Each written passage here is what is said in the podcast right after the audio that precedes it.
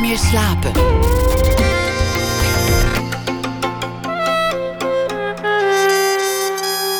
Met Pieter van der Wielen.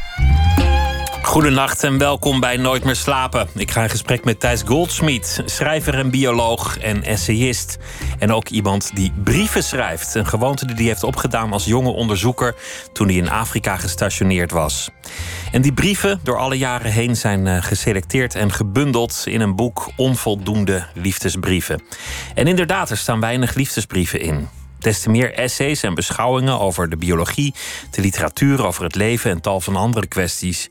Thijs Goldsmith, geboren in 1953, bioloog, schreef meerdere boeken. Darwins Hofvijver, De Andere Linkerkant en De Kloten van de Engel zijn uh, drie van zijn bekendste titels. Thijs, hartelijk welkom. Dankjewel. Doe je dat nog steeds eigenlijk, brieven schrijven? Ja, maar tegenwoordig wel steeds vaker uh, per mail. Eigenlijk al de laatste decennia Vroeger schreef ik uh, handgeschreven brieven. En eigenlijk vind ik dat ook het, het mooiste. Uh, dat, het plezier van met de, met de hand een brief schrijven en misschien even een tekeningetje erbij maken. En uh, zo ben ik ook begonnen met brieven schrijven uit Afrika destijds. Allemaal handgeschreven? Ja, allemaal handgeschreven. En ja, ik heb daar eigenlijk ook nooit afschriften van bewaard of kopieën van gemaakt, een heel enkele keer. Dus de meeste van die brieven zijn verloren geraakt? Nou, of ze zijn bij de geadresseerden. En sommige van hen zijn heel zorgvuldig geweest. Die zijn gelukkig uh, minder chaotisch dan ik zelf. Um, en die, die zijn er nog. Maar ik heb voor dit boek geen handgeschreven brieven teruggevraagd aan mensen. Dus het begint eigenlijk pas in 1989, op het moment dat ik uh, een computer heb. Niet om brieven op te schrijven, maar om veel mee te rekenen voor uh, biologisch onderzoek. En vanaf dat moment ben ik uh, ook op die computer brieven gaan schrijven. Zoals mensen nu mails schrijven. Bij mij crashen computers elke drie jaar. Volgens mij zijn ze daar ook op gebouwd. Dat ze, dat ze strikt na drie jaar ontploffen, zodat je een nieuwe moet kopen. Ja, dat, ik, ik vermoed een complot. Maar dan ben je ook meteen heel ja. veel kwijt. Nou ja, ik heb wel uh, externe harde schijven gehad. Dus vaak uh, als er iets misging met een computer, dat is mij ook overkomen, dan had ik een kopie. Maar uh, Menno Hartman en Mark Pieters van uitgeverij van Oorschot, die ge geven een redigeer, redigeercursus aan toekomst toekomstige redacteuren aan de UVA. En die hebben ook uh, commentaar gegeven op dit boek in wording. En die zeiden, ja, je moet misschien toch... Uh, die studenten die zeiden, je moet misschien, misschien toch verantwoorden... waarom er in dat en dat jaar uh, geen brieven zijn. En ik was me daar helemaal niet van bewust geweest. Maar achteraf dacht ik, oh ja, toen heb ik een crash gehad van de computer... En uh, had ik, toen had ik geen uh, kopie van de externe harde schijf. Dus het betekent helemaal niet dat ik in die jaren niet heb geschreven, maar dat opeens uh, alles echt weg is. Dit, is, dit zijn brieven die nooit voor publicatie zijn bedoeld. Het is ook niet een consistente correspondentie met één geliefde of één geestverwant of een, of een, of een andere grote denker aan de andere kant van, het, van de oceaan. Dit zijn willekeurige brieven over tal van onderwerpen die je door de jaren heen hebt geschreven. wanneer dacht je, ik heb iets in handen? Dit zou een boek kunnen zijn. Ja, dat is eigenlijk in overleg met de uitgever zo ontstaan. Eerst kwam de vraag: uh, zou je een boek bij Van Oorschot willen uitgeven? En uh, um, ja, dat was voor mij lastig, want Atheneum is mijn uitgever en ik word goed behandeld, dus waarom zou ik weggaan? Toen kwam ter sprake dat er misschien de mogelijkheid was om een, een, brievenboek uh, te maken dat zij niet zo snel zouden uitgeven. Er is een traditie bij Van Oorschot van uh, uitgaven van, van brievenboeken. En in het gesprek met Mark Pieters en Menno Hartman kwam ter sprake dat ik heel graag brieven schrijf, eigenlijk al van van jongs af aan. En uh, ja, ik heb er daar eigenlijk heel erg over geaarzeld en gepiekerd. Omdat ik dacht, ja, dat is meer iets voor eh, als je dood bent, als je klaar bent met je werk. En uh, familieleden denken: God, is toch zonde dat die brieven niet worden gepubliceerd. Dan gaan zij daar misschien mee aan de slag. Die illusie maak ik me ook, maakte ik me helemaal niet. Want ik dacht dat is voor gevierde romanschrijvers of dichters. Maar ja, het, het is eigenlijk nooit bij me opgekomen om zoiets te doen. Uh, totdat ik uh, daarover op een idee werd gebracht. Er zijn schrijvers waarbij de, de brieven zelfs net zo mooi zijn als het oeuvre. Zoals Flaubert bijvoorbeeld. Die, die brieven zijn prachtig. Ja. Nee, die, zijn, die zijn echt de moeite waard als je die kunt vinden. Nee, dat, uh, dat weet ik. En, maar, en Reven schreef natuurlijk ook Reven, heel, ook, heel, van, ook prachtige erg brieven. mooie brieven. En ja, ik hou erg van de brieven van Reven. Maar je voelt bij het lezen van die brieven wel dat hij vermoedelijk wel toekomstige lezers in gedachten heeft gehad toen hij die brieven schreef. Dus dat zijn, ja, dat zijn echt literaire brieven. Staat het bij jou in verhouding tot je, tot je echte schrijven? Het schrijven van brieven zijn, is het een soort oefening? Of is dat om, om je pen gaande te houden? Of scherp je daar je gedachten? Ja, nou, überhaupt als ik niet schrijf, dan houd ik zo ongeveer op met nadenken. Dus schrijven is voor mij altijd van jongs af aan. Je schrijft altijd wel? Ja, in, in, in notitieboekjes, dagboeken, brieven. En het is voor mij echt een manier om te formuleren hoe ik over bepaalde dingen denk. Uh, Die gedachten zouden er zonder de pen ook niet zijn? Uh, vaak niet, nee. Nee, dat, dat ontstaat vaak tijdens het schrijven. En ja, voor mij is dat ook het plezier van essayeren. Dat je nooit weet wat er gaat gebeuren. Ook al heb je je voorgenomen over een bepaald onderwerp uh, een essay te schrijven. En in deze, deze brieven zijn wel zo geselecteerd dat brieven waar, en lange mails, briefmails eigenlijk, eh, waarin een beschouwende kant zit, die hadden vaak mijn voorkeur, omdat ik me kon voorstellen dat dat uh, voor anderen dan de geadresseerde interessant kon zijn, of de, de moeite waard of amusant. Mensen stellen jou ook vaak vragen. Mensen die, die sturen ja. jou een mail. Goh, heb je dit wel eens gezien en, en hoe denk jij daarover? Nou, dat is ook iets waar ik me eigenlijk niet van bewust ben geweest. Totdat ik oude brieven begon op te diepen en ze weer begon door te lezen en te selecteren. Toen dacht ik, ja, goh, eigenlijk schrijvers of uh, dichters die, uh, met wie ik uh, contact heb en die, met wie ik correspondeer, die vragen mij eigenlijk nooit iets over een stilistische kwestie of over hoe je iets literair zou kunnen oplossen. Maar bijna altijd zijn het tamelijk gerichte vragen die me worden gesteld over. Ja, komt uh, homoseksualiteit voor in het dierenrijk? Of bedriegen dieren elkaar? Of, uh, en ik, ik, ja, ik, ik ben me eigenlijk hierdoor uh, pas daarvan bewust geworden. En ik dacht, voor zo'n boek is dat misschien juist wel, wel goed. Om dat soort brieven. Ik heb het ook altijd met plezier gedaan, die vragen beantwoord. En dacht, nou, wie weet, draag ik een heel klein beetje bij aan, het, aan de totstandkoming van een gedicht. Van, ja. Van, van de geadresseerde. Ja. Over die homoseksualiteit in het dierenrijk. Dat is nog een verwarrende kwestie, omdat in de observatie je altijd zult worden gefopt door de sneaky fucker schrijf je. Ja, ja, ja. De sneaky ja. vakker, dat, dat is dan een, een, uh, een haantje die zich uitgeeft voor kippetje.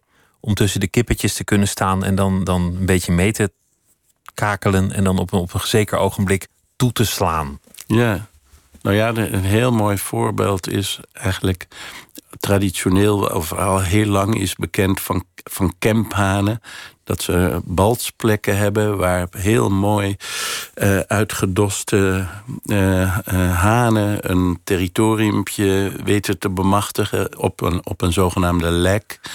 En de dominantste en sterkste haantjes, die hebben de beste plekken. En die worden bezocht door hennen en daar worden ze bevrucht. En uh, er zijn ook een ander, ander type mannetjes, dus zogenaamde satellietmannetjes, die zitten in de periferie. En die uh, struinen daar af en toe tussendoor en slagen er toch in om uh, zo nu en dan een hen te bevruchten. En uh, niet zo heel lang geleden werd door Teunis Piersma en Joop Jukema een heel nieuw uh, type, eigenlijk sneaky fucker ontdekt. Uh, en dat zijn beesten die er helemaal uitzien als hennen. Maar is zo'n beest doodgemaakt of overleden en snij je de buik open, dan zie je dat er gigantische testes in zitten in plaats van ovaria. Dus die beesten die zijn uh, helemaal erop gebouwd om als sneaky fuckers uh, uh, hennen te bevruchten. Dus je hebt eigenlijk drie, varianten. Maakt deel uit van de damesclub om dan op een uh, strategisch moment zich te ontpoppen als een, ja. als een kerel. En er, er zitten interessante aspecten aan, want je hebt soorten waarbij uh, die dingen genetisch vastgelegd zijn en waarbij een, zo'n sneaky mannetje uh, nooit verandert in een uh, dominant mannetje met een territorium. Maar er zijn andere soorten waarbij dat op en neer gaat. En waarbij een, een, zich als vrouwtje voordoend mannetje, uh, als hij dominanter wordt en sterker, uh, toch verandert in een mannetje wat dan meedoet met uh, de macho mannetjes. Dit soort, dit soort analyses in die brieven, dat, dat, dat maakt het boek de moeite waard. Hebben dieren schaamte? Is ook zo'n vraag. Wat is schaamte? Hebben wij dat? Waarom staan bij lezingen van Frans de Waal de mannen vooraan, maar de vrouwen vooraan als er gesigneerd moet worden? Is daar dan een soort evolutie in te onderscheiden? De, de geest is vrij en waaiert alle kanten op. Als, ja. uh, zoals dat hoort. Nou ja, je vroeg mij.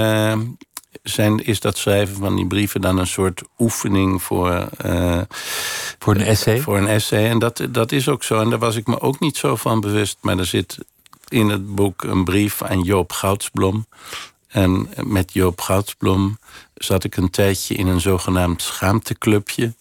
En dat was een, eh, een clubje van psychiaters, psychologen, en de socioloog Joop Goudsblom. Uh, af en toe ikzelf, soms een theatermaker of een andere buitenstaander. En daar werd dat, dat waren niet mensen die zich hevig schaamden, maar mensen die over het fenomeen schaamte nadachten. Wat het nut daarvan is en, en hoe het werkt. En waarom de een het zoveel heeft en de ander zo weinig. Ja, en dan kwam ik te corresponderen met, met Joop. En die stelde mij een vraag, inderdaad. Zoals je ook zei, dat vaker gebeurt. En dan begon ik uh, erover te piekeren of een kat zich kan schamen. En daar schreef ik dan een, brief over. En later kwam zo'n brief in een, uh, in een boek Wegkijken terecht. Een, een, een, boek wat is gemaakt bij een fototentoonstelling... waarbij ik probeerde om schaamte in beeld te brengen. En dat is in, in de hallen geweest ooit. Overspronggedrag heet het dan. Dat is als een, als een kat uitglijdt en, en lelijk landt, dan zal die zich daarna wassen. Ja. Dat is voor een kat altijd de, de oversprong die je kunt maken om de schaamte te ontsnappen. Nou ja, met het woord schaamte moet je dan af, op, oppassen. Maar bijvoorbeeld als een kat uh, achter een muis aan zit en uh, het lukt niet, dan komt er een moment dat hij het opgeeft te jagen. En de neiging om door te jagen uh, of op te houden is dan met elkaar in evenwicht. En het idee is dan dat uit het repertoire van de vachtverzorging opeens gedrag opborrelt uh, dat is het, eh, het, idee van de uh, gedragsbiologen uit Leiden, zoals Piet Zevenster. En die boorde, boor, borduurde verder op het werk van Nico Tinbergen en Adriaan Kortland over de oversprong-beweging. En zij probeerden dus te verklaren, oorzakelijk, hoe het komt dat een, kat die is opgehouden met jagen, opeens begint zijn vacht te verzorgen. Terwijl dat eigenlijk totaal onbelangrijk lijkt in de context. Het lijkt op, op, op gêne. Het is niet gelukt en dan, en dan, dan was je jezelf van... ah oh ja, nee, nee, ik, ik uh, moet, moet even wassen. Dus die muis ja. komt alweer. Nou ja, bij mensen is dat ook vaak zo. En in een situatie waarin mensen in verlegenheid zijn gebracht... of zich beschaamd voelen... zul je veel oversprongbewegingen tegenkomen. Maar je kunt uh, niet zomaar zeggen dat een een kat zich ook kan schamen. Want voor uh, om, om de emotie schaamte te kunnen vertonen of daar, die, daarover te beschikken, moet je eigenlijk van een afstand kunnen kijken naar jezelf. Je moet kunnen beoordelen, ja, dit is de kat die ik van mijzelf eigenlijk moet zijn om aan de de groepsnormen te voldoen. Bij een kat is het al helemaal moeilijk, omdat het een tamelijk solitair dier is. Dus, de, de, zelfreflectie moet er zijn in een sociale context. Ja, je moet jezelf ook kunnen verwerpen. En uh, zonder dat er een oordeel van anderen is. En uh, dat kan ook heel fnuikend zijn. En Goudsblom heeft het over intropunitieve schaamte. Eigenlijk straf je jezelf uh, bij voorbaat. En dat kan voor mensen heel remmend werken. Dat ze ja, dingen niet durven te doen. En bedeesd worden, schuchter.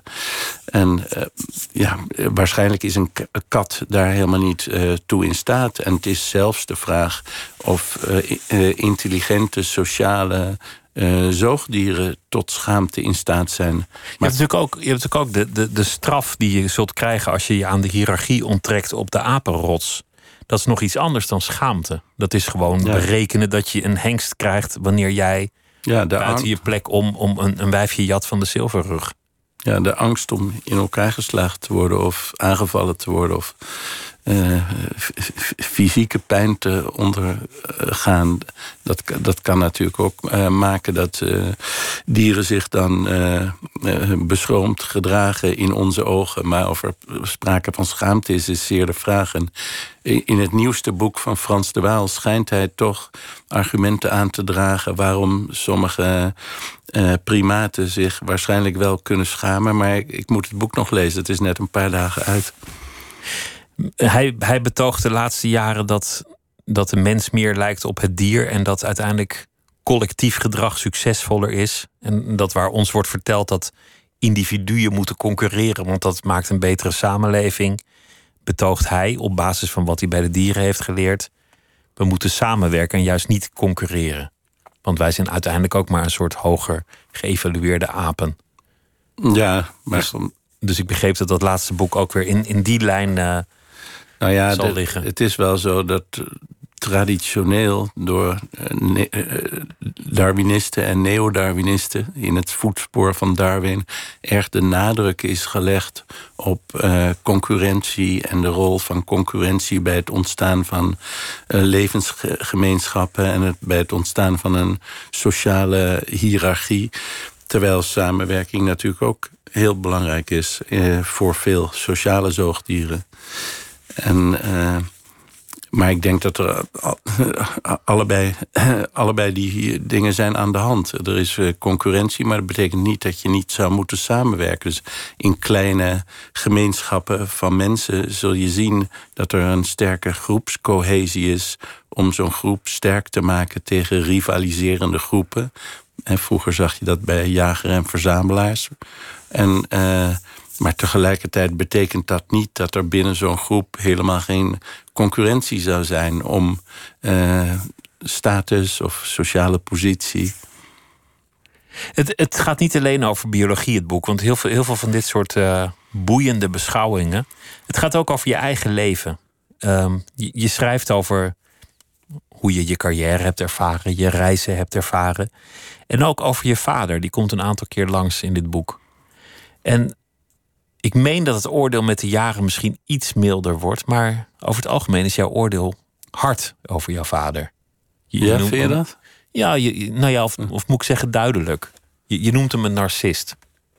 Ja, is dat een hard oordeel of is dat gewoon een gezonde analyse? Dat weet nou ja, ik denk dat ik het zelf ook ben, maar misschien niet, uh, niet, niet zo extreem.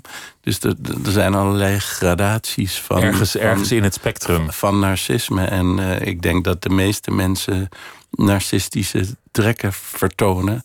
En waarschijnlijk nou ja, bij acteurs zul je het heel veel, heel veel zien die op het, uh, graag op het toneel staan en een, een prominente rol spelen. En, uh, maar goed, ik, ik ben geen psycholoog die verstand heeft van uh, narcisme, dus dat wil ik helemaal niet pretenderen. Maar ik ben in de loop der tijd mijn vader wel steeds meer zo gaan zien, omdat hij er erg prijs op stelde op een voetstuk te staan. Hij moest op een voetstuk staan. En als dat niet gebeurde, dan, dan nou ja, ging de sfeer eraan. Ik heb het vroeger eigenlijk nooit zo uh, begrepen. Maar later wel echt ervaren dat zodra hij kritiek kreeg en die uh, pittig werd, dat hij dan mensen ook uh, liet vallen. Dat kon niet. In zijn omgeving kon je geen kritiek op hem hebben. Nou, niet, niet, niet makkelijk, nee. Of hij, re hij reageerde daar helemaal niet op en liet het heel gelaten over zich heen komen. Was ik, hij wel ik, ik, ik, hield enorm van mijn vader, hè, dus ik wil niet alleen maar. Hield, hij, hield hij ook van jou? Was hij daar toen in staat? Ja, dat zou je aan hem moeten vragen, maar dat is nu te laat. Hij is er niet meer. Nee, maar... hij is er niet meer. Maar je, je, hebt, je hebt er vast wel eens over nagedacht. Of, of die van je gehouden heeft en of die wel in staat nou was. Ja, uh, op een ingewikkelde manier vermoedelijk wel. Ja. Maar toch wel heel vreemd en. Uh, ja, het was iemand die op allerlei manieren in mijn ogen eh, emotioneel beschadigd was. Dus eigenlijk niet zo goed in staat om met zijn eigen kinderen een, uh, een hechte band te onderhouden. Of terwijl hij altijd ja, heel vriendelijk, zachtaardig, grappig, origineel was.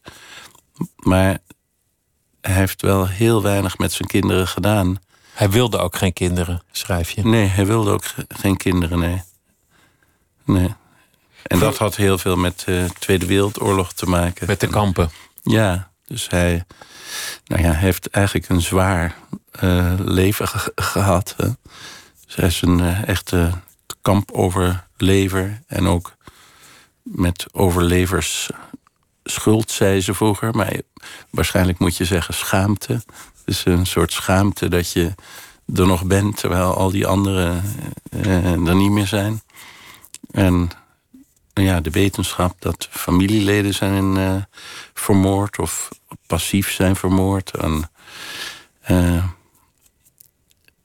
ja, dat heeft hem uh, wel heel erg beschadigd. En dan, als je dat in aanmerking neemt, denk ik dat hij heel veel dingen heel goed heeft gedaan. En er echt iets van heeft gemaakt. Maar ik denk wel dat die kinderen van mijn moeder heeft gekregen omdat mijn moeder dat zo graag wilde. Niet omdat hij dat wilde.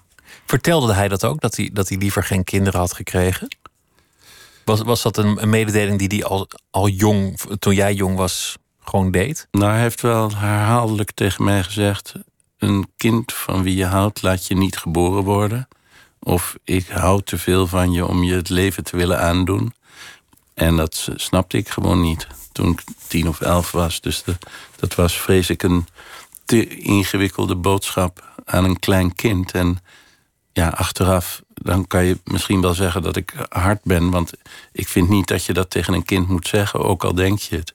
Dat kun je, als, als dat kind volwassen is, duidelijk maken. Maar dat, is, dat soort dingen dat moet je niet zo vroeg uh, op die manier zeggen, denk ik. Ik begrijp wel zijn gedachten als hij de kampen heeft meegemaakt. Dat hij denkt: waarom zet ik iemand op deze wereld? Waarom doe ik iemand deze wereld aan? Ja, als die wereld zo hard kan zijn. Nee, maar zo was het ook. Dat is een begrijpelijke opmerking. Alleen als kind denk ik dat je wil horen dat papa blij is dat je er bent en dat hij van je houdt. Ja, ja dat uh, had ik uh, graag gehoord. Ja. En niet dat je nooit geboren had moeten worden. Dat is, dat is een harde, harde opmerking. Nou, en, en ook omdat wij daar wel als kinderen van bewust werden gemaakt. Ook wel, we hebben geen Joodse moeder, dus in die zin, wij zijn niet Joods. Maar door mijn vader en zijn ervaringen en, waren we ons er wel van bewust dat, ja, als we acht jaar eerder waren geboren, ik dan, dan had je in zo'n kamp terecht kunnen komen. Dus dan was je voorbestemd geweest om te sterven. Te sterven, ja. Dus dan... Acht jaar is niks. Acht jaar is een hele korte tijd. Ja, ja. Dus dat heb ik als kind wel gevoeld. En daar begon ik ook eindeloos over te fantaseren. Maar nou ja, het is ook gek om het er steeds weer over te hebben. Nu komen er allemaal vluchtelingen uit Syrië met vreselijke ervaringen. En uh, ja, ik denk steeds uh, uh, veel van die kinderen die daar nu vandaan komen, die, hoe, hoe moet het met hen aflopen? En straks krijgen zij kinderen. Dat duurt misschien, misschien duurt het wel drie generaties voordat ze weer een beetje normaal zijn. Dus die dingen werken heel lang door. Ja, en het, het ene leed heft het andere leed niet op. Ik kan me voorstellen dat je denkt, eh, we hebben het hier nog over, terwijl er zoveel leed ernaast gekomen. Maar het, ene leed is niet verdwenen omdat er ander leed bij kwam. Nee.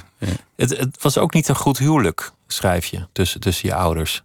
Uh, ja, uh, ja, ja en nee, denk ik. Dat is ook best ingewikkeld, ingewikkeld. hoe dat was. Want ze waren ook heel lang heel dol op elkaar. En er ging ook heel veel goed. Maar ja, ik denk achteraf gezien wel dat mijn moeder meer getrouwd is geweest met een uh, kampslachtoffer dan met een geliefde. En dat ze dat ook zelf zo heeft laten zijn. Dus, in welke zin? Zag ze zichzelf als degene die hem moest troosten? Of? Ja, troosten, bijstaan, steunen onder alle omstandigheden. En dat, dat hield geen stand? Uh, nou ja, na 23 jaar niet meer, nee. Toen is hij, uh, omdat hij een slechter gehoor kreeg en uh, zijn heel moeizaam sprekende patiënten moeilijker ging verstaan, is hij naar Duitsland gegaan. En daar heeft hij toen verder les gegeven in het vak wat hij eerder beoefende. De logopedie? Ja. En dat kreeg daar een, een academische status. En uh, hij vond het erg leuk om uh, mensen op te leiden en uh, colleges te geven. En volgens mij heeft hij dat heel goed gedaan. Ik ben er wel eens bij geweest en dat was heel ja, vermakelijk en interessant. En, Je schrijft, hij was als kampslachtoffer in Duitsland in die jaren als God in Frankrijk. Hij werd op handen gedragen. Iedereen wilde naar zijn verhalen luisteren. Iedereen had ontzag voor hem. Nou ja, ik, ik noem het een wat wrange variant van leven als God in Frankrijk. Hè? Omdat uh, ik denk in die kringen uh, aan de universiteit uh, veel studenten zaten die. Het is al een tijd geleden, hè? dus decennia geleden, in de jaren zeventig zo. die zich waarschijnlijk, die waarschijnlijk worstelden met het oorlogsverleden van hun ouders. Uh, uh, vast niet allemaal, maar velen wel. En uh, nou ja, hij kwam daar als overlever van een van die kampen naartoe. En ik denk dat er wel veel studenten zijn geweest die dat apprecieerden. Dat die, die studenten niet veroordeelden van het, vanwege het eventuele nazistische gedrag van hun ouders dat jij schrijft om gedachten te vormen en dat jij altijd kijkt, observeert als, als bioloog, maar ook, ook in, in menselijke omstandigheden. heeft dat daarmee te maken? Met, met het opgroeien in dat, dat gezin waar je toch moest oppassen voor die vader, of dan een beetje hem moest ontzien, dat je hem een beetje moest sparen. Ja. We hoefden eigenlijk niet op te passen. Hij was altijd heel vriendelijk, Lief en vriendelijk. En vriendelijk maar, maar je wilde hem niet kwetsen. Hij was ook onbereikbaar. Nee, ik geloof dat ik nog nooit kwaad op hem ben geweest. Dus dat is al heel ingewikkeld. Als je puur bent, dan zoek je bijna conflicten met je vader om je te kunnen losmaken uit zo'n band. En dat is mij eigenlijk nooit gelukt met hem. Conflict was niet eens mogelijk. Nee, en dat is best intimiderend voor een kind. Dus dat alsof hij overal boven stond en alles begreep. Schreef jij toen al? Was dat, was dat wat je in het, in het gezin deed als kind? Nou, ik zat vooral veel te tekenen, denk ik. En uh, ik was heel veel aan het uh, basketballen. Gewoon buiten spelen? aan het spelen, ja. Dus nee, ik was niet speciaal veel aan het schrijven. En de natuur, had je, had je daar al interesse voor? Nou, ik had wel eens... Ik ben nooit een echte NJN'er geweest. Hè de, de Nederlandse Jeugdbond voor Natuurstudie. Je had wel uh, kinderen op die school en die zaten daarbij en die kenden dan al heel veel soorten mossen of vogels of spinnen. Iedereen had, uh, verdiepte zich in een andere tak van uh, biologie. En dat had ik eigenlijk helemaal niet. Ik werd vooral enthousiast doordat ik boeken begon te lezen van Dick Hillenius en Nico Timbergen en Konrad Lorenz. Dus de gedragsbiologie die kwam toen voor het eerst bij een breder publiek dan de, de vakgenoten uh, onder de aandacht. En ik vond dat mensen zoals Hillenius daar heel aanstekelijk over schreven. En die bracht ook vaak op een beetje primitieve, maar wel heel originele manier. Uh, allerlei biologische principes in verband met mensengedrag. Dus je, je zag dat dat is niet, gaat die niet alleen maar over, over uh, uh, muizen of over papegaaien, maar het heeft ook met mensen te maken. En dat is natuurlijk ook interessant om naar te kijken. De menselijke soort en de sociale interactie. Wie is de baas en wie daagt wie uit? En ja. wat, wat willen mensen ten opzichte van elkaar? Maar nu het vraagt, schiet me wel iets te binnen wat ik lang geleden wel eens had, had bedacht, maar vergeten ben. Mijn vader keek heel lang en precies naar spastische kinderen, gehandicapte kinderen. Uh, en die, die heel slecht konden communiceren of moeizaam. En hij lette dus heel veel ook op non-verbale signalen. Dus misschien heb je het wel een, beetje van hem. Nou ja, dat is analoog eigenlijk. We gaan het straks hebben ook over je wetenschappelijke carrière en over de, de vissen en over Afrika.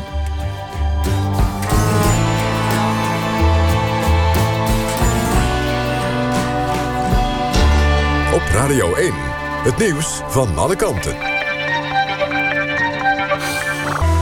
1 uur, Ewout de Jong met het NOS-journaal. Een duikteam uit Zuid-Korea zoekt in Hongarije mee naar de 21 vermisten na het ongeluk woensdag met een rondvaartboot in Budapest. Het schip kapseisde op de Donau nadat het door een cruiseschip was geramd. Het reddingswerk wordt bemoeilijkt door de sterke stroming en het modderige water. Zeven toeristen overleefden de aanvaring en de lichamen van zeven doden zijn geborgen. Het Zuid-Koreaanse reisbureau gaat de eigenaar van het cruiseschip aanklagen. Op de top van de Mont Blanc mag vanaf morgen nog maar een beperkt aantal bergbeklimmers komen. De Franse autoriteiten hebben dat besloten vanwege de drukte. De Mont Blanc trekt jaarlijks bijna 25.000 klimmers. En dat zijn er veel te veel voor de drie schuilhutten langs de route naar de top. Het nieuws komt een week na de publicatie van een foto van een file van bergbeklimmers naar de top van de Mount Everest. Iran houdt zich volgens het Internationaal Atoomenergieagentschap nog steeds aan de afspraken uit het atoomakkoord. Dat zou blijken uit een rapport dat persbureau AP heeft ingezien. Iran verrijkt niet meer uranium dan is toegestaan. En inspecteurs van het agentschap krijgen nog altijd volledige toegang. Daarmee volgt Iran de regels van het akkoord uit 2015. Ruim een jaar geleden stapte de VS uit het akkoord. Sindsdien lopen de spanningen tussen Iran en de VS op. Italië is een procedure begonnen tegen het plan van oud-Trump-strateeg Steve Bannon... om in een eeuwenoud klooster een school voor populisten te beginnen. Het klooster wordt gehuurd door een conservatief-katholieke denktank uit Rome... die nauwe banden heeft met Bannon. Het Italiaanse ministerie van Cultuur wil de concessie voor het klooster weer intrekken vanwege contractbreuk. En wat de school heeft misdaan is niet bekendgemaakt. Het weer, vannacht weinig wind en brede opklaringen. Minima rond een graad of 12. Morgen vrij zonnig en droog. Het wordt 23 graden in het noordwesten tot 27 in het zuidoosten. Zondag volop zon en maxima tot 32 graden. Dit was het NOS Journaal. NPO Radio 1. VPRO. Nooit meer slapen.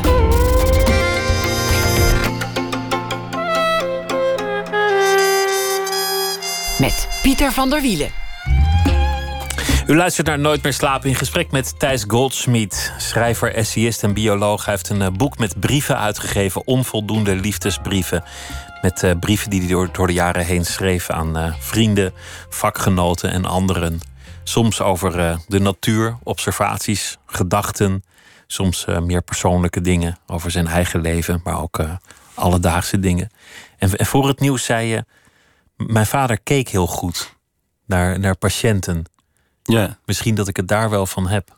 Misschien Nou ja. dat het toch van die vader kwam.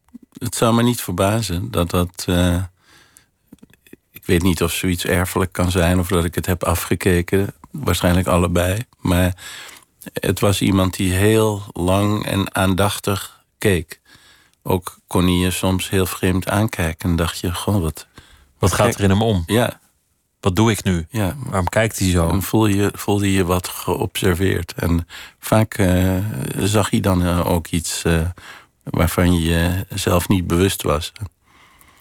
Je, je, je vertelde over je interesse voor de gedragsbiologie en je noemde een aantal namen. Sommige daarvan die, die zou je van nabij meemaken, want je, je kwam aan de universiteit in Leiden terecht. Je bent later naar Afrika getrokken om daar onderzoek te doen. In heel veel opzichten lag er een briljante wetenschappelijke carrière, denk ik, voor je in het verschiet. Je had met gemak, eh, vermoed ik, professor kunnen worden.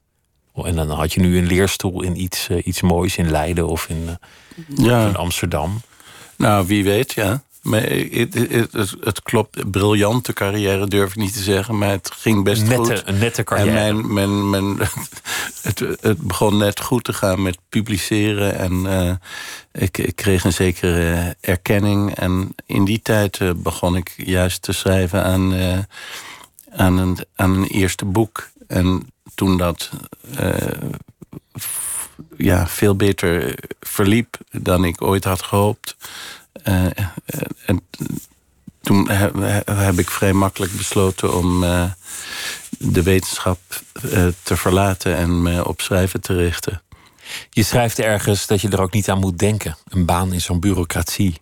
Ergens in het, in het gareel. Met een werkgever. Nou ja, ja er is denk ik wel een probleem met mij. Ik vind het heel moeilijk om onder een baas of bazin te werken. En ik vind het ook heel moeilijk om eh, leiding te geven. Dus ja, waarvoor ben je dan nog echt geschikt als je dat inzicht eenmaal hebt? Als Waarschijnlijk. je, als je echt een solist bent. Ja, ik ben dus.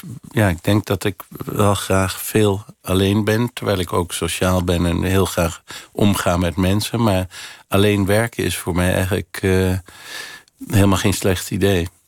Je schrijft En- over, de, over de wetenschap een aantal dingen. Bijvoorbeeld dat om een onderzoek goedgekeurd te krijgen, moet je eigenlijk al weten wat eruit gaat komen.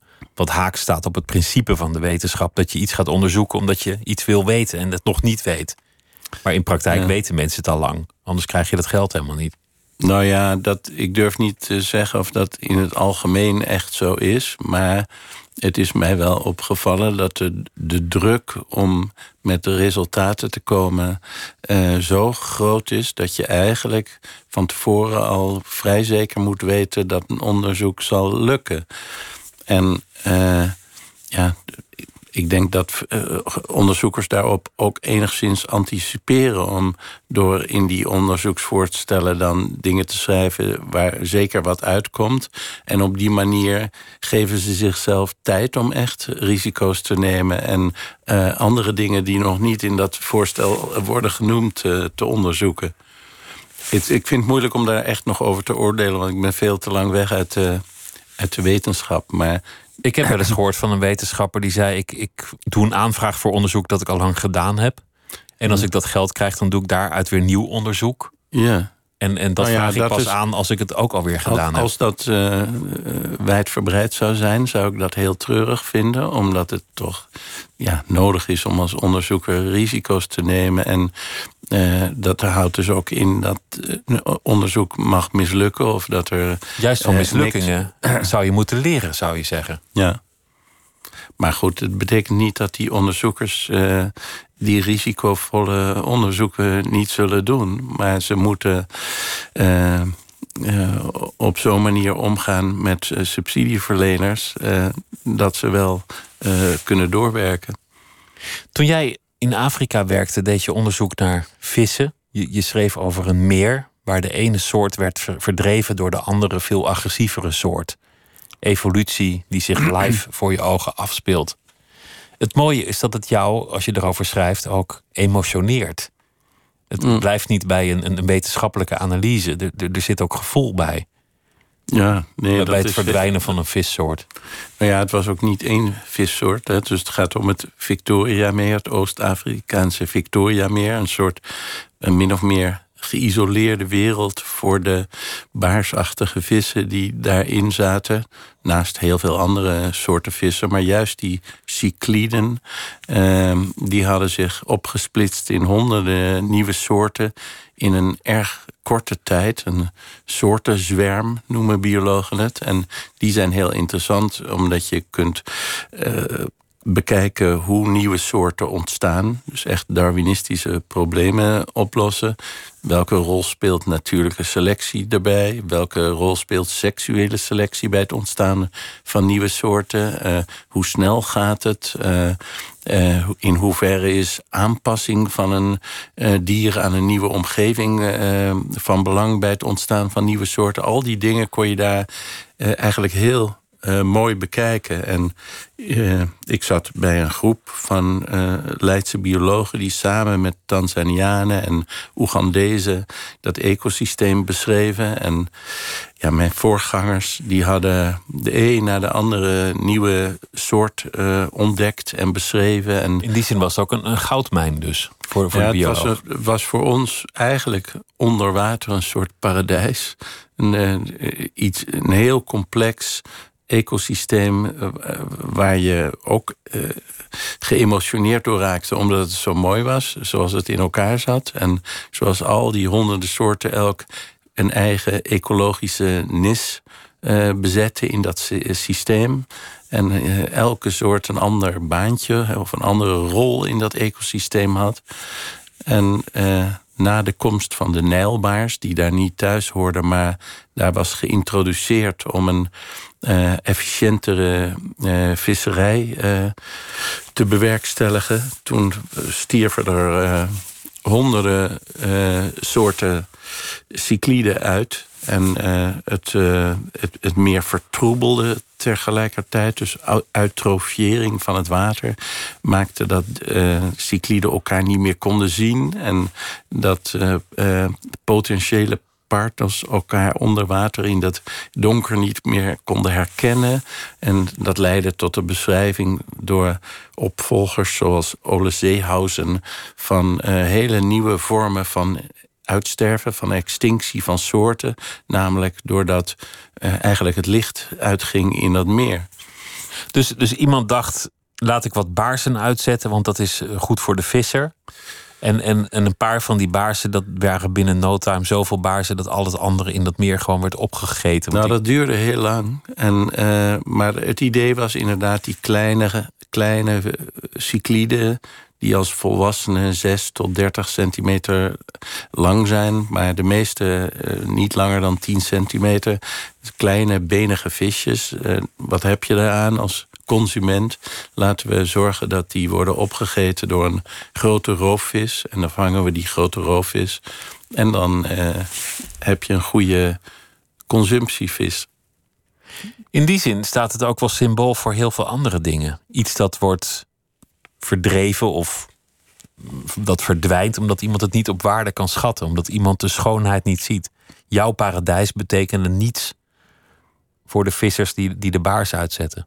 Nee, en dat waren eigenlijk uh, Britse kolonialen aan het eind van de koloniale tijd. Eigenlijk is het een heel typisch fenomeen voor de koloniale tijd. Dat uh, kolonialen uh, planten en dieren brachten naar de koloniën en uh, vaak met de beste bedoelingen om het daar beter te maken, om het uh, landschap te stofferen met decoratieve soorten die, um, die er mooi uitzagen of die voedsel opleverden. En je had hele verenigingen, de zogenaamde acclimatization societies. Er waren er duizenden van die zich tot doel stelden om planten of dieren die nuttig waren of mooi waren, uh, ja, over te zetten naar de kolonie. En dit voorbeeld van die Nijlbaars is daar eigenlijk een heel laat geval van. En ja, ik zie het ook als een soort. Ik zie het heeft iets symbolisch. Hè? Dus Westerlingen die dan een hele grote roofvis, weliswaar een Afrikaanse roofvis uit het Turkana-meer, eh, loslaten in een eh, heel kwetsbaar ecosysteem van kleine visjes. En ik heb, ben ook pas veel later gaan beseffen dat uh, wat daar gebeurd is, die hele snelle veranderingen in zo'n ecosysteem, die worden bewerkstelligd door de introductie van ja, een paar emmertjes met uh, jonge nijlbazen. Uh, dat dat overal op de wereld gebeurt. En vooral op eilanden en in meren enorme gevolgen kan hebben. Op grote continenten valt het vaak nog wel mee. Of voegen exoten zich uh, in het ecosysteem en ja, heeft dat niet zulke desastreuze gevolgen. Je zou het ook kunnen zien in culturen, waar, waar ineens iets nieuws wordt geïntroduceerd dat een oude cultuur verdelgt. Zoals het, de, de espresso-barretjes in Rome, die verdwijnen omdat er overal een Starbucks moet komen. Terwijl de koffie van Starbucks niet zo lekker is als die traditionele Italiaanse espresso. Ja, maar dat, dat, dat heeft, dat, heeft gebeurt effect. overal. Dus ik denk dat uh, uh, de verbreiding van McDonald's. Uh, dat dat in Italië en Frankrijk lang is tegengehouden om die reden. Om, om lokale. om lokaal voedsel te beschermen en vast te houden aan mooie dingen die er op een lokaal niveau zijn. Dus het geldt zeker voor cultuur, maar ook wordt er in verband met planten en dieren al gesproken over een Mac-ecosystem. Overal op de wereld krijg je in plaats van planten en dieren die alleen op die plek voorkomen en lokaal zijn aangepast en vaak hele mooie uh, ecosystemen vormen. Uh, die redelijk stabiel zijn. Uh, uh, worden een paar van die generalisten, zoals Nijlbaarzen, geïntroduceerd. En ja, die gaan ruksigloos tekeer. En wat er dan overblijft, dat, zijn, dat is een verpauperd systeem met heel veel, met ja, veel minder soorten, dus veel mi minder biodivers. Hoe veranderde dat jou als, als jonge onderzoeker? Want, want hier werkte jij aan je aan je eerste echt grote onderzoek. En je raakte geëmotioneerd door wat je zag. En, en je, je zag iets dat, dat veel verder ging dan het resultaat van je onderzoek nodig had. Dan het artikel waar je aan werkte nodig had. En, of de dissertatie. Heeft, heeft dat een rol gespeeld in jouw beslissing om niet wetenschapper te worden? Nou, dat zou dan eerder een uh, reden zijn geweest om juist wel ermee door te gaan. Maar eigenlijk doe ik op mijn manier, op een persoonlijke manier, uh, ook wel iets door erover te schrijven. En te, te, proberen een breder publiek daarover te informeren dan alleen de mensen die in vaktijdschriften schrijven. Ehm, maar ik ben jarenlang uh, best gedeprimeerd uh, geweest door uh, ja, dat ik naar een, een de troop ging en iets meemaakte wat in alle opzichten, ook door de omgang met de Afrikanen, heel verruimend voor me was. En ook mijn kijk op de biologie ingrijpend heeft veranderd. En dat voordat je weggaat, zo'n systeem helemaal verpauperd is. En, uh, dat greep jou echt aan? Dat greep mij echt aan. Er zijn nu trouwens weer onderzoekers die beweren... ja, het komt allemaal niet uh, door de Nijlbaars... of niet alleen door de Nijlbaars. En uh, dat verbaast mij heel erg. Ik begrijp wel dat er andere oorzaken zijn... dan alleen maar de predatie van de nijlpaars op die cycliden. Maar ik heb die beesten zo ongeveer in de bekken van de Nijlbaarzen zien verdwijnen. En op een gegeven moment waren ze niet meer uh, te vangen in het, in, het water, die cycliden. En kon je ze uh, uh, alleen nog maar vinden in magen van Nijlbaarzen. En daarna waren ze helemaal weg. Je, je zegt het deprimeerde me. Dat, is dat iets dat in jouw leven terugkeert, depressie?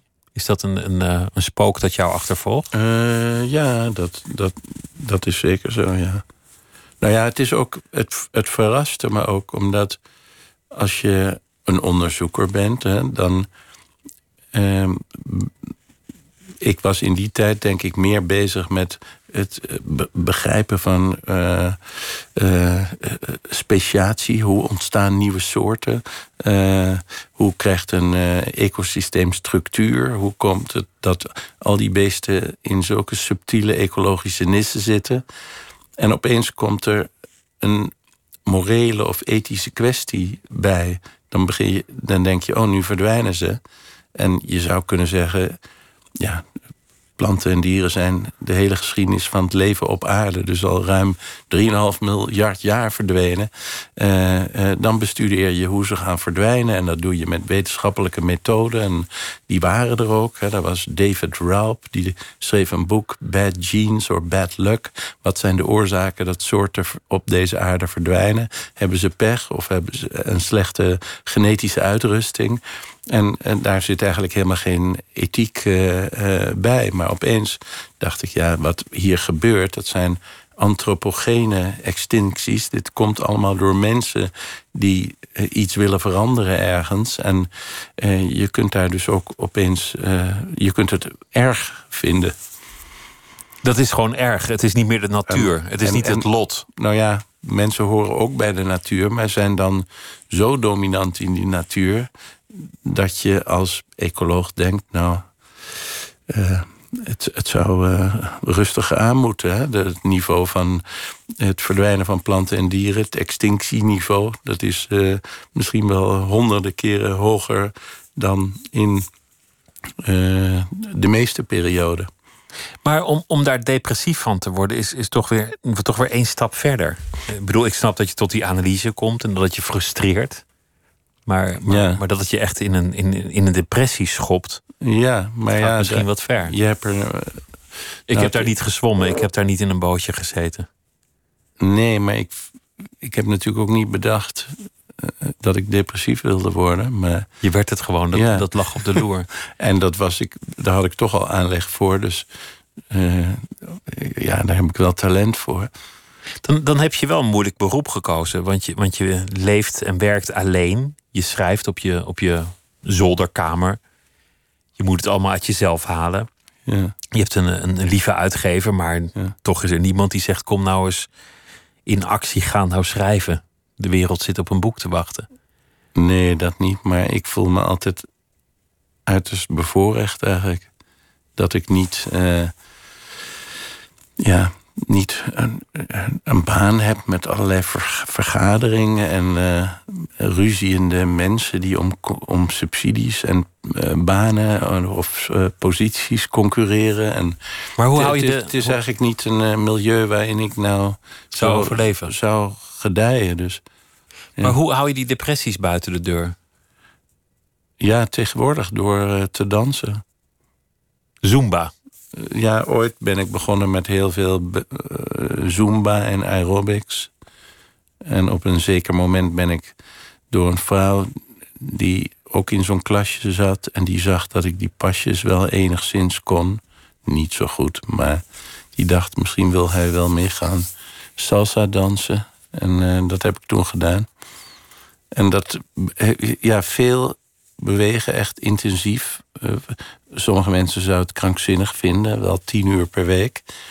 Dat blijkt bij mij verschuivingen teweeg te brengen in de serotonine of dopamine of wat het ook is. Ik heb niet zoveel verstand van. Maar al die lekkere uh, stofjes die ja, vrijkomen dan. Ja, waardoor ik uh, eigenlijk veel minder last heb van depressies. Dus ik kan het iedereen aanraden. Veel bewegen, dat is, dat ik is denk het dat het vooral bewegen is, maar het is ook een uh, tegenhanger tegen een uh, solitair bestaan overdag. Ik heb een geliefde dus, en vrienden en vriendinnen, dus ik ben helemaal niet eenzaam. Maar inderdaad werk ik alleen. Maar s'avonds, uh, ja, een paar keer per week ga ik dansen. En dat is, ja, daar word je zo vrolijk van. Dus de, de muziek, mensen met wie je dat doet.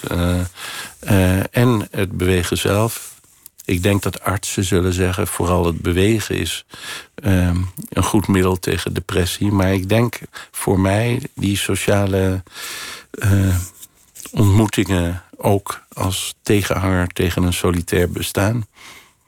Toch, toch is het ook een mooi bestaan, wat je, wat je zelf ook al zegt. Dat je kwesties kunt uitkiezen, dat je ergens naar kunt kijken en besluiten: Nee, maar daarom te schrijven. Ik, ik, voel, ik voel me heel erg bevoorrecht dat ik eh, ja, doe wat ik zelf het liefste doe. En eh, dat niemand me vertelt wat ik mo- moet doen. Dat ik niet naar vergaderingen hoef of eh, begrotingen hoef te schrijven. Of, ja. Dus ik vind eh, eigenlijk. Uitgevers zijn enthousiast tot dusver. Dus ik heb, ja, ik heb eigenlijk niks te klagen.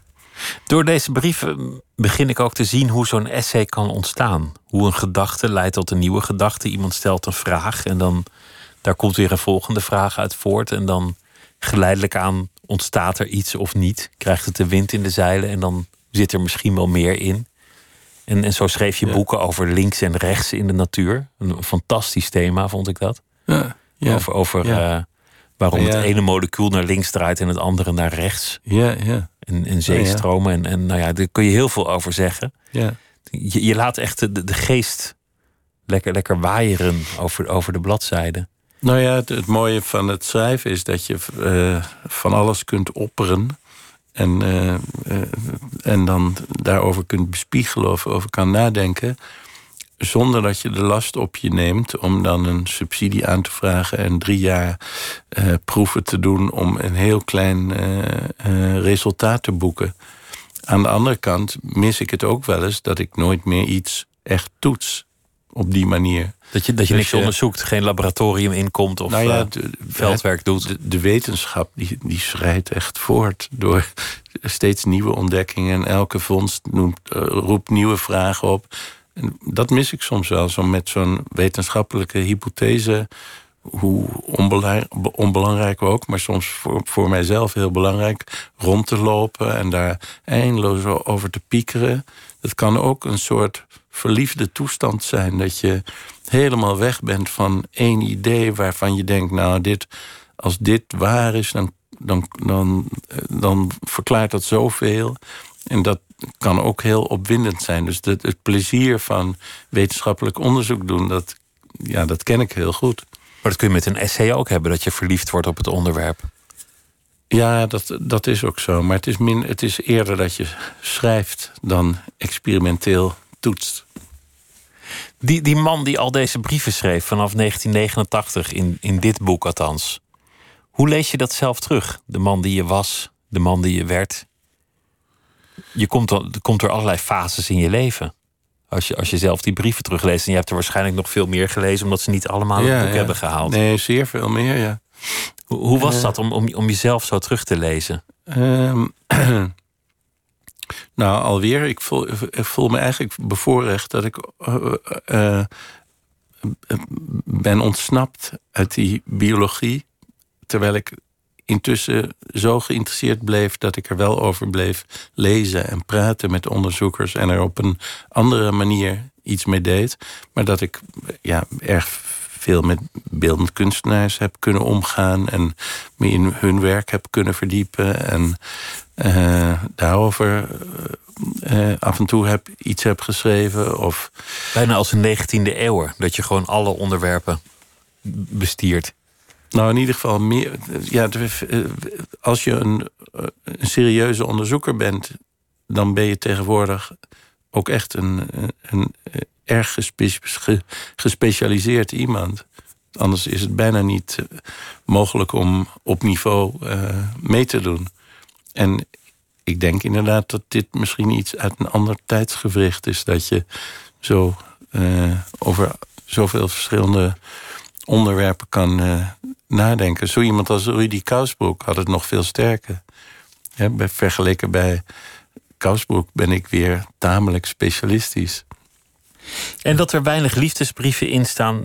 Ik dacht erover na, toen, toen begreep ik ineens. Dat is natuurlijk omdat je geliefde gewoon bij je was. Dan hoef je ook geen brief te schrijven. Nou ja, eh, nee, dat is ook wel zo. Dat, dat- dat De, de meest hechte personen, die correspondeer je niet. Want die, Nee. die spreek je gewoon. Nou, dat is ook zo, ja. Ja, en ik heb ook wel eens het eh, eh, verwijt gekregen dat ik mijn geliefde, mijn vrouw, eh, meer boodschappenlijstjes uit Afrika stuurde dan liefdesbrieven. Want we hadden gebrek aan zo ongeveer alles. Er, wa- wa- was geen zeep, geen shampoo, geen, geen tandpasta. Geen, dus als zij dan weer naar mij toe kwam, kwam dan kreeg ze zo'n lijstje. En Dan schoten de lieve woordjes er wel eens bij in. vrees ik. Ik ben me daar helemaal niet van bewust geweest hoor. Maar, ja. Het zou kunnen. Onvoldoende liefdesbrieven. Het eh, boek is eh, afgeleverd. Thijs Goldsmith, dank je wel. Het was me genoeg om met je te praten. Dank, dank dat je wilde komen.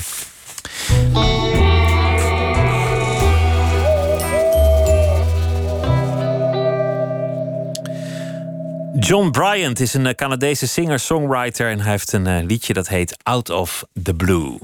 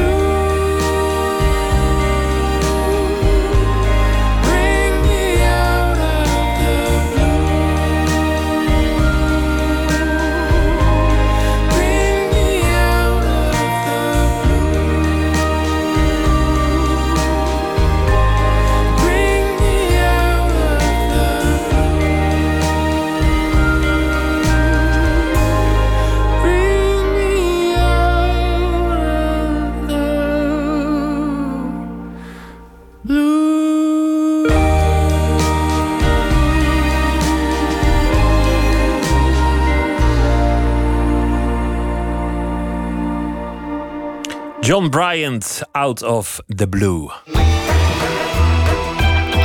Nooit meer slapen. Schwab is een actie van het Nederlands Letterenfonds in samenwerking met uitgeverijen en boekhandels. En het doel van de actie is om vergeten schrijvers weer in de belangstelling te brengen. Boeken die niemand meer leest, van schrijvers die niemand meer kent. En eh Nooit Beslapen doet mee met een podcastreeks Lees Deze. Het boek van deze nacht, Een vrouw in de Poolnacht, is uh, niet eerder in het Nederlands vertaald. Een uh, klassieker over de schoonheid en de kwetsbaarheid van de Noordpool. Geschreven door een vrouw uit Oostenrijk die de sociale conventies van haar tijd trotseerde, Christiana Ritter. In de zomer van 1934 reisde haar man, onderzoeker, naar de Noordpool en zij ging er achteraan. Ze wonen een jaar lang samen in een uh, hut op Spitsbergen. En daar worden ze bijgestaan door een Noorse jager met de naam Karl.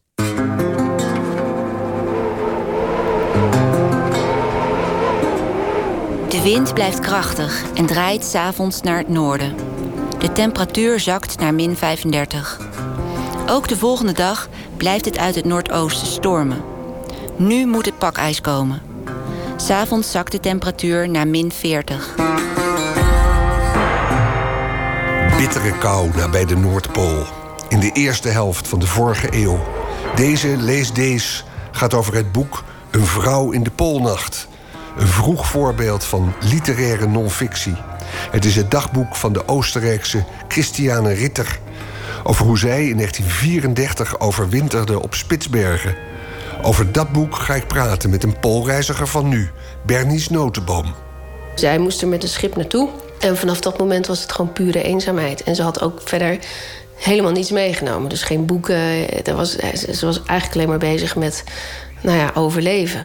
Verder spreek ik vertaalster Ellie Schippers. Wat zij aan kleuren ziet. Je denkt van nou, het is allemaal wit of zo. Maar het is helemaal niet allemaal wit. Het is groen en geel en blauw enzovoort. En, en rood. En dat flitste allemaal. En critica Diewertje Mertens. Je ziet dat ze met een schildersoog uh, om zich heen kijkt. Al haar zintuigen staan op scherp. Welkom bij de podcast over vergeten meesterwerken. Welkom in de wereld van Christiane Ritter. Mijn man droomde er altijd al van om in een hut op de Noordpool te wonen. Als we in ons huis in Europa een probleem hadden, kortsluiting, een gesprongen leiding of als de huur werd verhoogd, zei hij stevast dat zoiets in een hut op de Noordpool nooit gebeurde.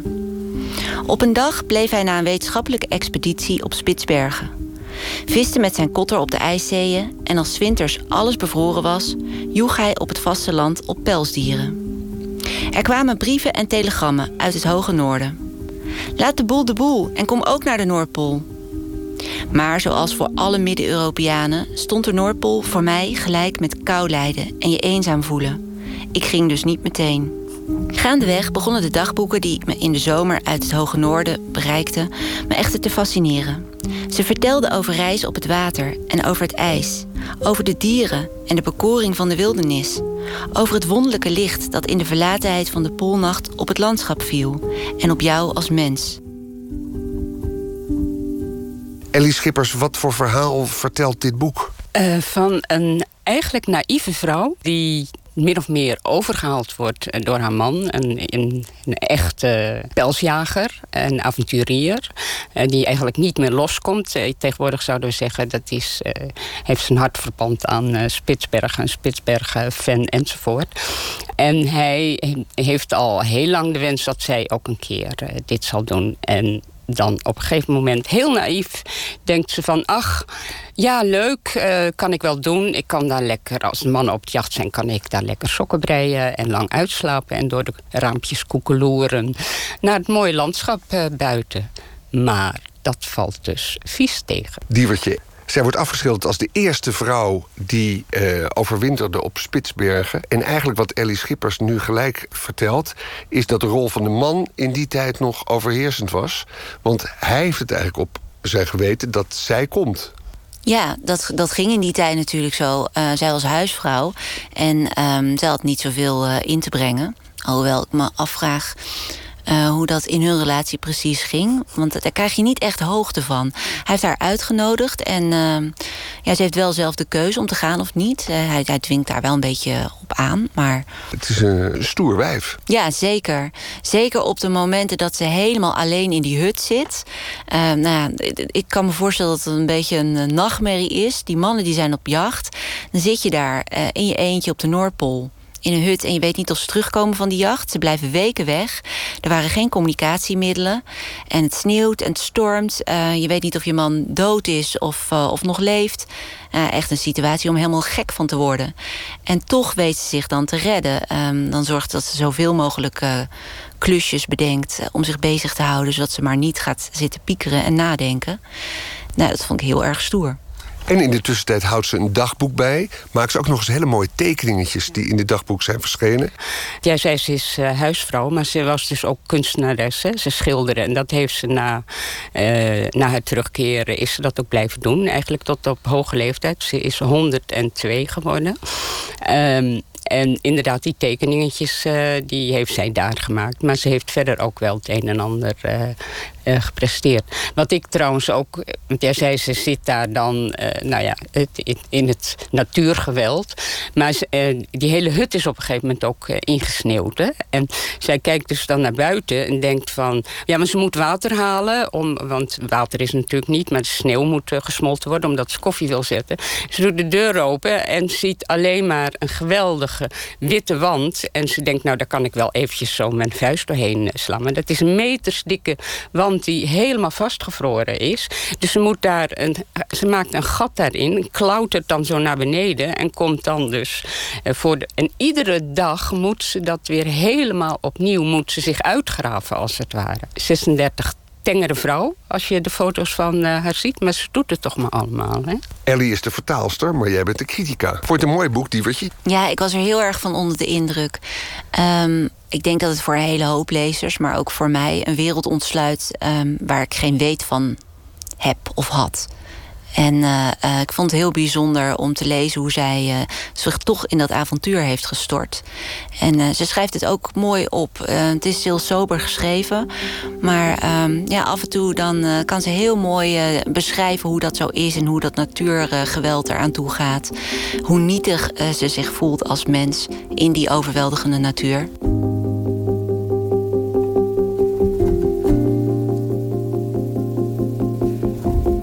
Hele nacht blijft het stormen. Ik word al vroeg wakker van slaande deuren, geschreeuw en haastig heen en weer geloop. Dan wordt ook de deur van mijn kamertje opengerukt en roept mijn man: Het ijs ligt voor de deur, het ijs is er. Van pure blijdschap laat hij alle deuren wagenwijd openstaan, ook die naar buiten. In mijn kamertje dringt een blauwig schemerlicht binnen. En buiten ruist het. Knarsend, krijzend, zagend, zingend, fluitend. Ik ben nog nooit zo vlug in mijn kleren geschoten en door het kleine sneeuwgat naar buiten gekropen. In de schemerige roodachtige lucht hangt een ijzige kille nevel. Waar eerst het donkere water van de zee en de baai zich uitstrekte, drijft nu de reusachtige, onafzienbare witte massa van het pakijs. Hele torens van opeengestapelde blokken, die dik onder de sneeuw zitten en eruit zien als wandelende bergen, worden door de gigantische schotsen onstuitbaar en gelijkmatig vanuit het noorden onze baai ingestuwd.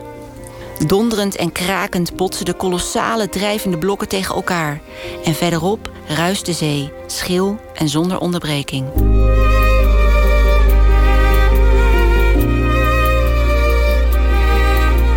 In dit fragment vond ik zo frappant de geluiden die je hoort, uh, of nou ja, die zij beschrijft. Uh, het is een natuurgeweld. Zij zitten al heel lang te wachten op het pakijs. Want het is tegen het eind van de periode dat zij daar zit. En ze hebben langzamerhand hebben ze geen vers voedsel meer. Dus ze zijn, ze, ze, zijn bang dat ze scheurbuik krijgen. En vanwege vitaminegebrek. En op het moment dat het pakijs komt, dan hopen ze dat de beren komen. En nou ja, dan gaan de beren schieten en dan kunnen ze beren eten en dan zijn ze weer boven Jan.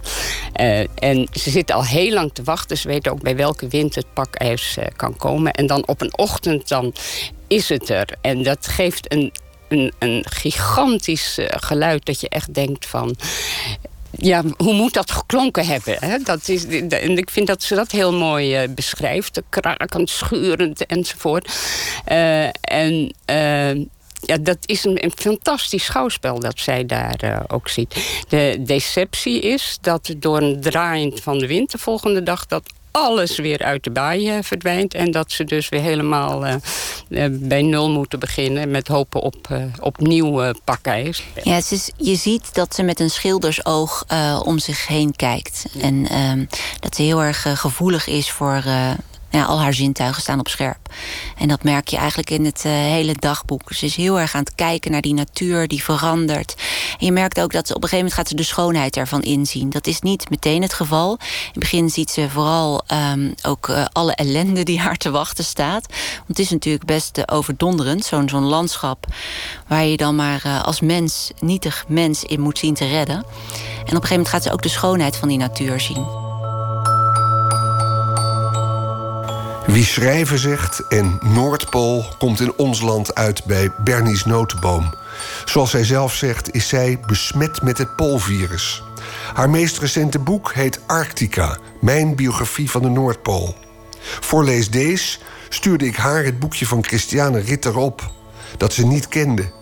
Bernice, hoe lang heb jij op de Noordpool doorgebracht? Ik heb eh, vier grote expedities gedaan. Tien jaar geleden voor het eerst begonnen. Eh, nee, sorry, twaalf jaar inmiddels. Nou, variërend van 60 dagen tot 20, 25, ergens daartussen. Maar de langste was eh, 60 dagen. Ja. En in welk gezelschap verkeerde je dan?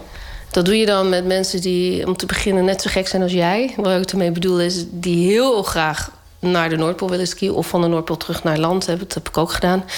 Uh, want anders, anders hou je het niet vol. Je moet niet iemand hebben die zegt van... nou, ik wil het wel proberen, want er is gewoon... Het is, het is een enkele reis. En je kan niet opgehaald worden als het fout gaat. Je moet het echt van A tot, tot B of uh, A tot Z volhouden. Dat is één. Dus mensen die ook graag naar, op dit soort expedities willen gaan. En ten tweede ben je altijd op zoek naar mensen die jou kunnen aanvullen. Dus verschillende soorten vaardigheden hebben. En uh, ja, dus in, in mijn situatie is het vaak een cameraman, want ik film. Ik maak films om te laten zien hoe snel het gaat met smelten van de Noordpool. of of uh, soms zoek ik ook iemand uh, bij me die me gewoon kan assisteren. Want ik ben dan heel vaak uh, de persoon die de communicatie doet naar, buiten, naar de buitenwereld. Dus, maar dan heb je wel iemand nodig die intussen nog even wat ijsblokjes buiten gaat halen. En, zodat we de thermosflessen kunnen vullen. Of simpele dingen. Of de tent kunnen opzetten. Of eigenlijk een beetje een soort van een assistentierol. Het is een beetje afhankelijk van hoe de grootte van het team. Maar het allerliefst ga ik met drie personen. Drie is gewoon een goed team. Dan hoef je van alles maar één ding mee te nemen. En met drie heb je ook geen klikjes. Twee, twee, twee tentjes, dat gaat heel snel heel fout. Um, dus drie is perfect. En, uh, maar goed, dat betekent wel dat je goed op elkaar um, aangewezen... Nou, je bent op elkaar geweest, maar dat je ook elkaar goed kan aanvullen.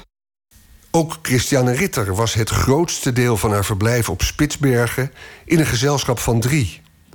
Er was haar man Herman, de Noorse jager Karl en zijzelf. Het grootste verschil tussen onze twee ervaringen, denk ik, is de communicatie. We hebben nu overal satellieten boven ons zoomen. Dus waar je dan ook bent in de wereld, je hebt altijd een connectie met de buitenwereld. Via een satelliettelefoon en tegenwoordig kan dat zelfs met een iPhone. Dus je bent altijd verbonden. Je kan bij wijze van spreken gewoon nu.nl lezen op de Noordpool. uh, dat had zij natuurlijk niet. Uh, daar, zij moest er met, inderdaad met een schip naartoe. En vanaf dat moment was het gewoon pure eenzaamheid. En ze had ook verder helemaal niets meegenomen. Dus geen boeken. Er was, ze was eigenlijk alleen maar bezig met nou ja, overleven. Zorgen dat je, dat je goed voorbereid bent voor alles wat, wat, je, wat, wat naar je toe gegooid wordt. Daar op Spitsbergen. Dat vond ik heel erg mooi. Ik denk als zij nu nog zou lezen, leven en ze zou um, terugblikken op haar ervaring, dan zou ze zeggen van. Wauw, weet je, dat is een cadeautje. Dat zie ik zelf ook. Ik heb uh, op de Zuidpool zo'n ervaring gehad. Dus waren we ook uh, 60 dagen onderweg zonder enige contact met de buitenwereld. Ja, dan uh, ga je, je geest houdt zich bezig met hele andere dingen. Want er, komt ook, er komen geen prikkels meer. Dus het enige wat je dan nog hebt, is, is gewoon nog wat je hebt meegemaakt. Dus je gaat heel erg terugleven in de tijd. En dingen ga je verzinnen over vroeger. Of, of je gaat namen.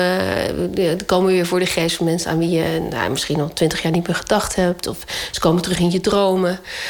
Dat, dat is heel bijzonder. Ja. Als, je dat als je dat erkent en er iets mee doet. Want deze vrouw die heeft dus op een gegeven moment komt er iemand met post. En dan krijgen ze een krant van vier weken oud. Dat is eigenlijk de enige referentie die er naar de Tweede Wereldoorlog wordt gemaakt. Zij zegt dan. Uh, gelukkig, eh, die is nog niet uitgebroken. Of Europa is nog steeds onrustig, maar gelukkig, het is nu nog vrede. En ze heeft een kind en ze, ze verzucht ook van gelukkig, daar gaat het goed mee. Want, en dan denk je van ja, hoe kan je nou eigenlijk als moeder uh, überhaupt zorgen dat je 136 dagen of nog langer onbereikbaar bent? Dat gevoel, uh, ik kan me dat eigenlijk helemaal niet voorstellen. Nee, ik ook niet. Nou, ik, ik, ik vind het sowieso heel grappig hoe zij. Uh... Nou ja, je zegt ik ook niet, maar eigenlijk kan je het je wel voorstellen. Want je hebt dus ook zo'n soort ervaring. Op... Ja, ja oké. Maar dat is 60 dagen, weet je. Dat is een paar maanden. En zij was daar gewoon. Ja, ze ging een, een hele winter uh, daar naartoe. Uh, langere periode in ieder geval dan ik. Um, ik vond het ook wel heel erg grappig dat haar man uh, zomaar dacht dat zij hier klaar voor zou zijn voor zo'n ervaring. Terwijl zij, ja, natuurlijk, je, je wordt geleid door een romantisch gevoel van dat ik ga overwinteren op Spitsbergen. Klinkt natuurlijk super spannend. Maar ze had totaal geen voorstelling wat het zou zijn. En ik vind wel dat ze zich ontzettend moedig heeft gedragen. Ze heeft zich echt heel snel aangepast. Maar ik vind die man ook wel een beetje onverantwoord om, om haar zomaar in zo'n situatie neer te zetten. Dat zij, um, dat zij geen contact meer zou kunnen, of dat ze geen contact had al die tijd. Um, ik denk dat ze zich dat wel heeft gerealiseerd. Maar ik denk dat ze heel snel ook uh, dacht van ja, als ik me daardoor laat leiden, als, ik de, als de emotie de bovenhand gaat krijgen, als ik me echt, uh, mijn gevoelens echt laat, uh, laat varen, ja, dan kan ik het hier niet uithouden. Dus die, die moet je gewoon gelijk weer wegstoppen. Je kan eigenlijk in zo'n omgeving, of dat Spitsberg is of de Noordpool, je kunt eigenlijk alleen maar functioneren als je al je, al je gevoelens gewoon even opzij zet, in de ijskast letterlijk doet. Dat, ja. anders, anders gaat het niet. Wat vond je van het boek eigenlijk? Ik vond het super interessant. Ik, ik kon het bijna niet neerleggen. En um, het is een. Uh, het is heel openhartig geschreven. Het is uh, haar eeuwige strijd tussen, tussen echt die, die dingetjes die wij ons allemaal kunnen voorstellen. Hè? Bijvoorbeeld dat polvosje waar ze mee bevriend werd.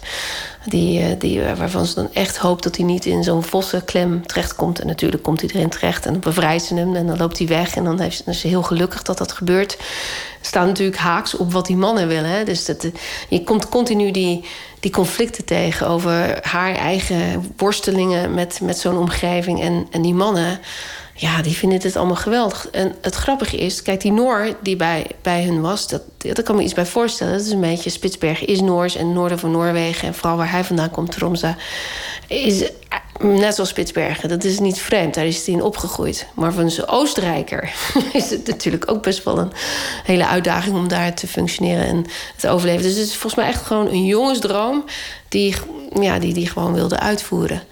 Ik vind het.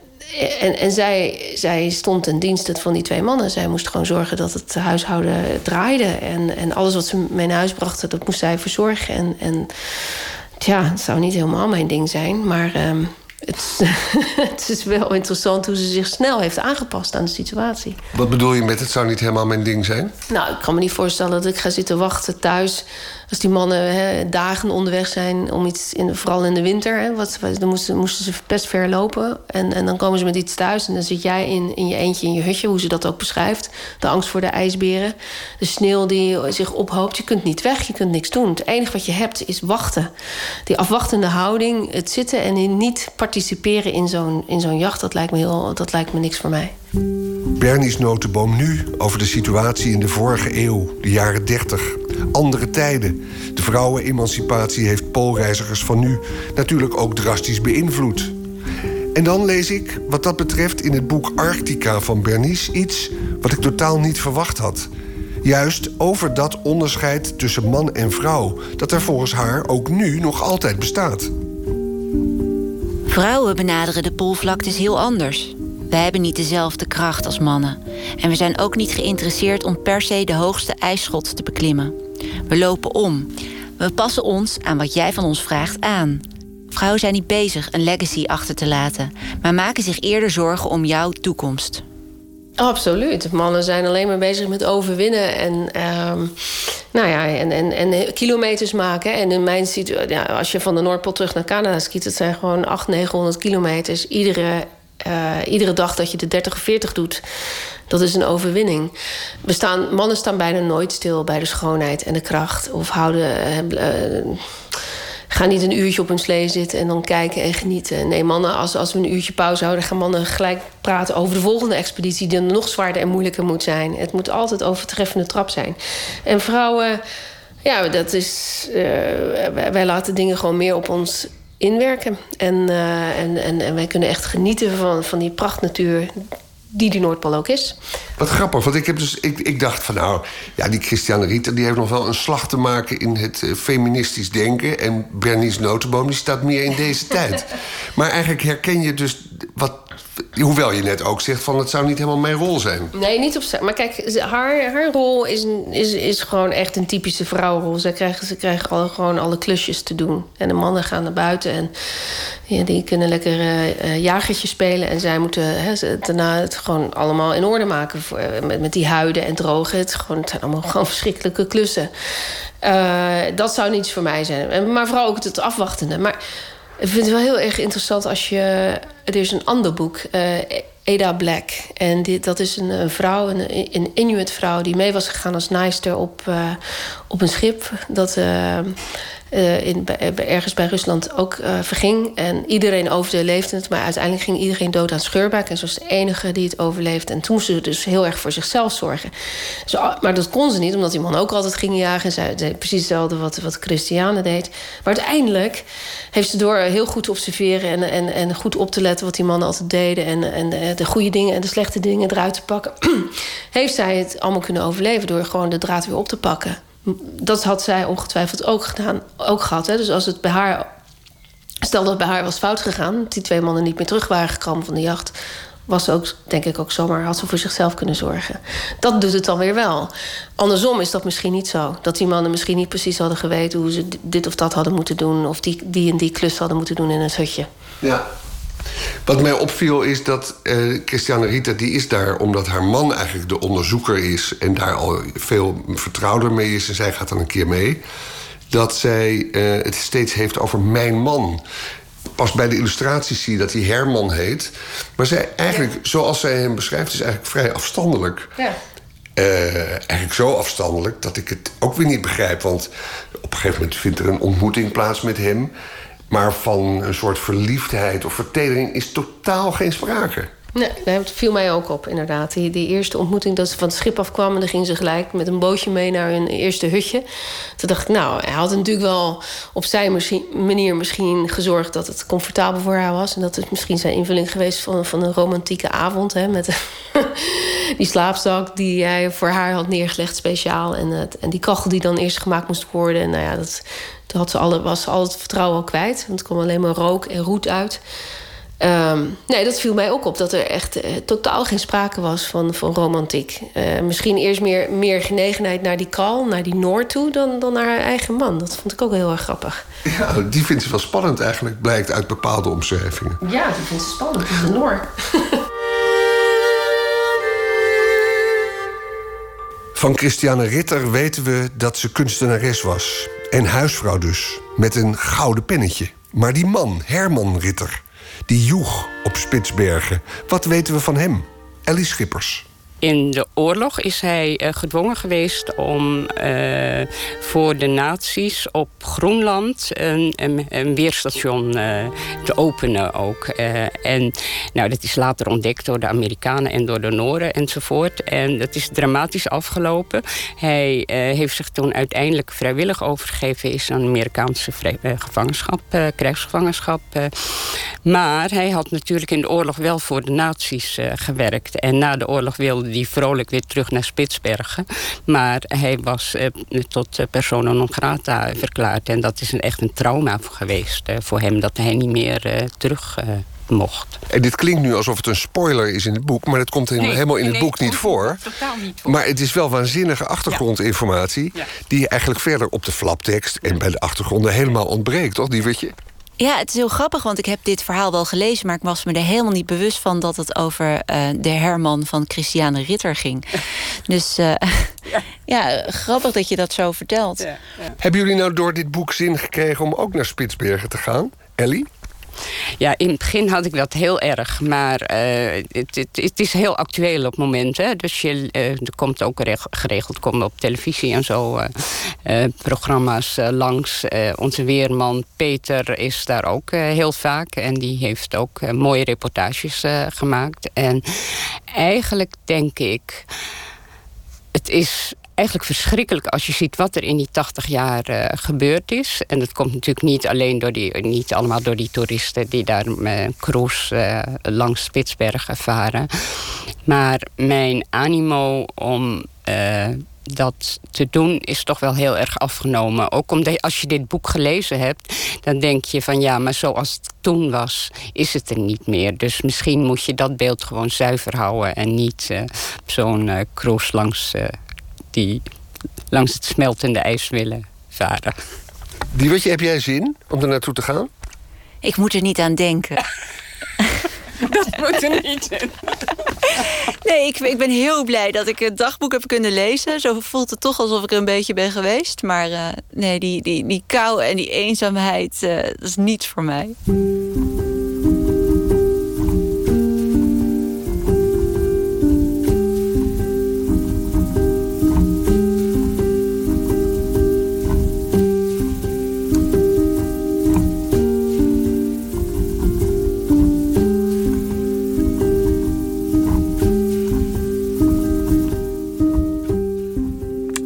Lees deze, een podcast van Anton de Goede over Christiana Rieter... met critica Diewertje Mertens, spoorreiziger Bernice Notenboom...